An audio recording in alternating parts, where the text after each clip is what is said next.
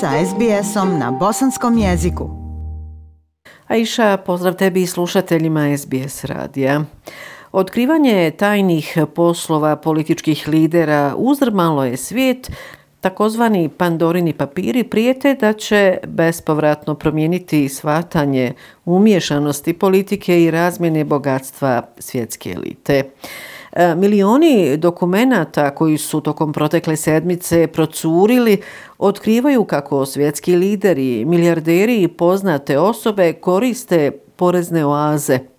E sada kada je riječ o Bosni i Hercegovini, e, u jednom dijelu, dakle u tim papirima se e, iznosi da je sarajevska firma Energoinvest eh, platila ukupno više od eh, 3 eh, miliona i 600 hiljada eura maloj konsultantskoj firmi registrovanoj u Ujedinjenim Arabskim Emiratima i to u martu 2013. godine.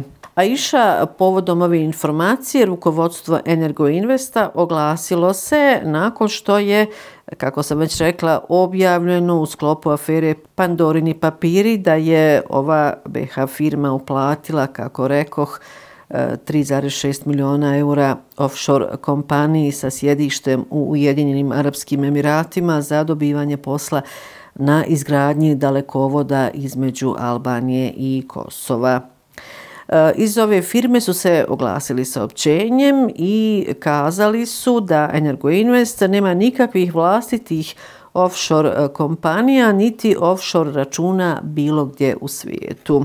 E, također u saopćenju se ističe s obzirom na to da se navodni poslovni aranžman dešavao prije više od 8 godina u vremenu drugih uprava Energoinvesta i periodu kada je Energoinvest e, realizirao projekte u Libiji, Alžiru, Iraku, Albaniji, Srbiji, Sjevernoj Makedoniji i Crnoj Gori, više informacija možemo dati, odnosno saopćiti, nakon detaljnog uvida u poslovno-financijski arhiv iz navedenog perioda. E, to stoji u zvaničnom saopćenju Sarajevske firme Energoinvest Naravno, nakon ovog saopćenja niko se više nije oglasio. Aisha, trebala je biti održana e, zajednička e, vojna vježba pod nazivom Manjača 21 i to e, ta vježba je podrazumijevala zajednički rad pripadnika oružanih snaga Bosne i Hercegovine i vojske susjedne Srbije. Međutim, ova Vojna vježba je odgođena i e, Zoran Tegeltija, predsjedavajući vijeća ministara Bosne i Hercegovine, je 5. oktobra donio odluku upravo o smjeni ministra odbrane Bosne i Hercegovine Sifeta Pođića. U saopćenju iz vijeća ministara Bosne i Hercegovine, tačnije kabineta predsjedavajućeg vijeća ministara Zorana Tegeltije se između ostalog e, ističe da je ovakva odluka Zorana Tegeltije e, donesena nakon što je ministar Pođić prekršio zakon o odbrani Bosne i Hercegovine u načinu rada i odlučivanju um, i jednostranim potezima narušio vladavinu prava i unutrašnje povjerenje, diplomatske odnose i uh, inostranu saradnju. Dakle, to stoji u zvaničnom saopćenju iz vijeća ministara Bosne i Hercegovine. Zoran Tegeltija je odluku o smjeni Pođića uputio parlamentarnoj skupštini Bosne i Hercegovine. E, prije toga, Zoran Tegeltija, predsjedavajući vijeća ministara, je pisao Sifetu Pođiću sa zahtjevom da stavi van snage odluku o realizaciji mira i aktivnosti na organizaciji vojne vježbe Manjača 21, odnosno o odgađanju vježbe. Inače, Pođićevu smjenu prije Tegeltije zatražio i sam član predsjedništva Bosne i Hercegovine Milorad Dodik. A iša na sve te zahtjeve Sifet Pođić, ministar odbrane Bosne i Hercegovine, e, je odgovorio i u svojoj izjavi kazao je da je sve urađeno prema zakonu i da je vježba samo prolongirana. U ostalom, poslušajte, e, ministra odbrane Bosne i Hercegovine Sifeta Pođića. Zbog netačnih informacija u pojedinim medijima da je vježba otkazana, želim naglasiti, dakle, vježba nije otkazana, vježba je odgođena isključivo iz e, pogoršane epidemiološke situacije kako u Bosni i Hercegovini, tako i u Republici Srbiji. Mali broj naših vojnika je e, imuniziran i jednostavno ne želim preuzmati rizik da se e, zarazi veliki broj vojnika. Čim se epidemiološka situacija popravi, ovaj, vježbu ćemo normalno realizovati i nema nikakvog razloga da bi se ona otkazila. U Mostaru je 7. oktobra preminuo ministar zdravstva Federacije Bosne i Hercegovine Vjekoslav Mandić. On je prije desetak dana bio hospitaliziran u sveučilišnoj kliničkoj bolnici Mostar i bio je u teškom zdravstvenom stanju. E, kako je potvrđeno, nije se radilo o zarazi koronavirusom, nego su u pitanju bili drugi zdravstveni problemi sa kojima se ministar Madić već godinama borio.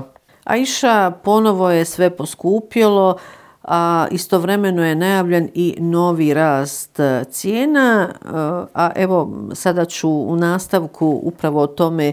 Naime, cijene hrane i drugih osnovnih namirnica značajno su porasle i to u posljednjih pola godine, što značajno ugrožava preživljavanje građana Bosne i Hercegovine koji su i bez poskupljenja snažno pogođeni pandemijom koronavirusa.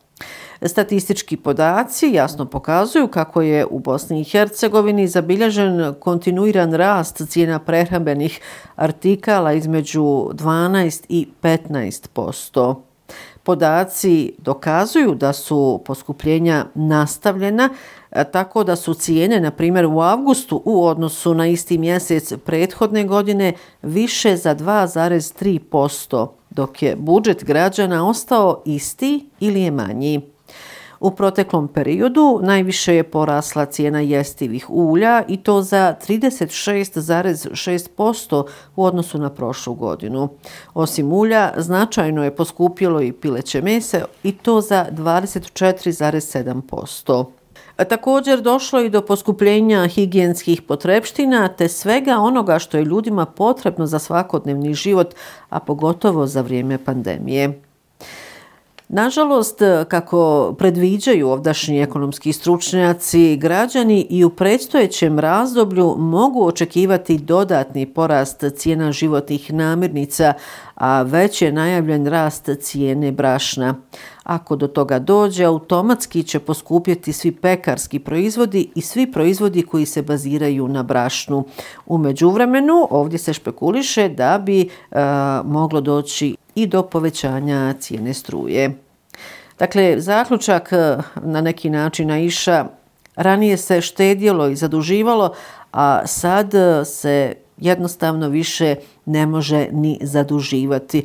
Preživljavanje, nažalost, mnogih građana Bosne i Hercegovine se sada svodi na hljeb i vodu. Pa evo, ovo javljanje završavam možda jednom i lijepom informacijom, ali u budućnosti. Naime, glavni grad Bosne i Hercegovine, Sarajevo, 6. oktobra dobilo je podršku za zajedničku organizaciju zimskih olimpijskih igara i to 2030. godine zajedno sa gradom Barcelonom. Odluka je donesena upravo u Ljubljani, kako već rekoh, 6. oktobra na sesiji Evropskih olimpijskih komiteta. Ovu informaciju podijelila je gradonačelnica Sarajeva Benjamina Karić. E, u svom pisanom saopćenju e, Benjamina Karić kaže grad Sarajevo je dobilo podršku za zajednički nastup Barcelona i Sarajevo na olimpijskim igrama 2030. godine kao i za rekonstrukciju Bob Staze e, na Trebeviću za potrebe njenog održavanja. Predsjednici olimpijskih komiteta zemalja iz regije poput Sjeverne Makedonije, Albanije, Kosova i Slovenije su podržali ideju zajedničkog nastupa kao i opravdanosti rekonstrukcije Bob Staze s obzirom da bi je njihove reprezentacije koristile za svoje treninge, a što bi uveliko olakšalo i pripreme za takmičenja.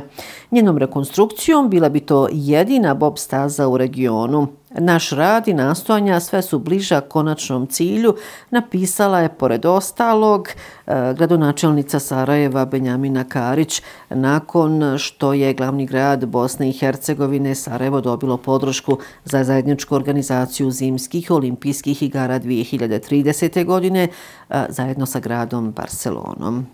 Eto, Aisha, toliko ovoga puta iz Sarajeva. Još jednom vam lijepe pozdrave šalje Semra Duranović-Koso. Like, share, comment. Pratite SBS Bosnian na Facebooku.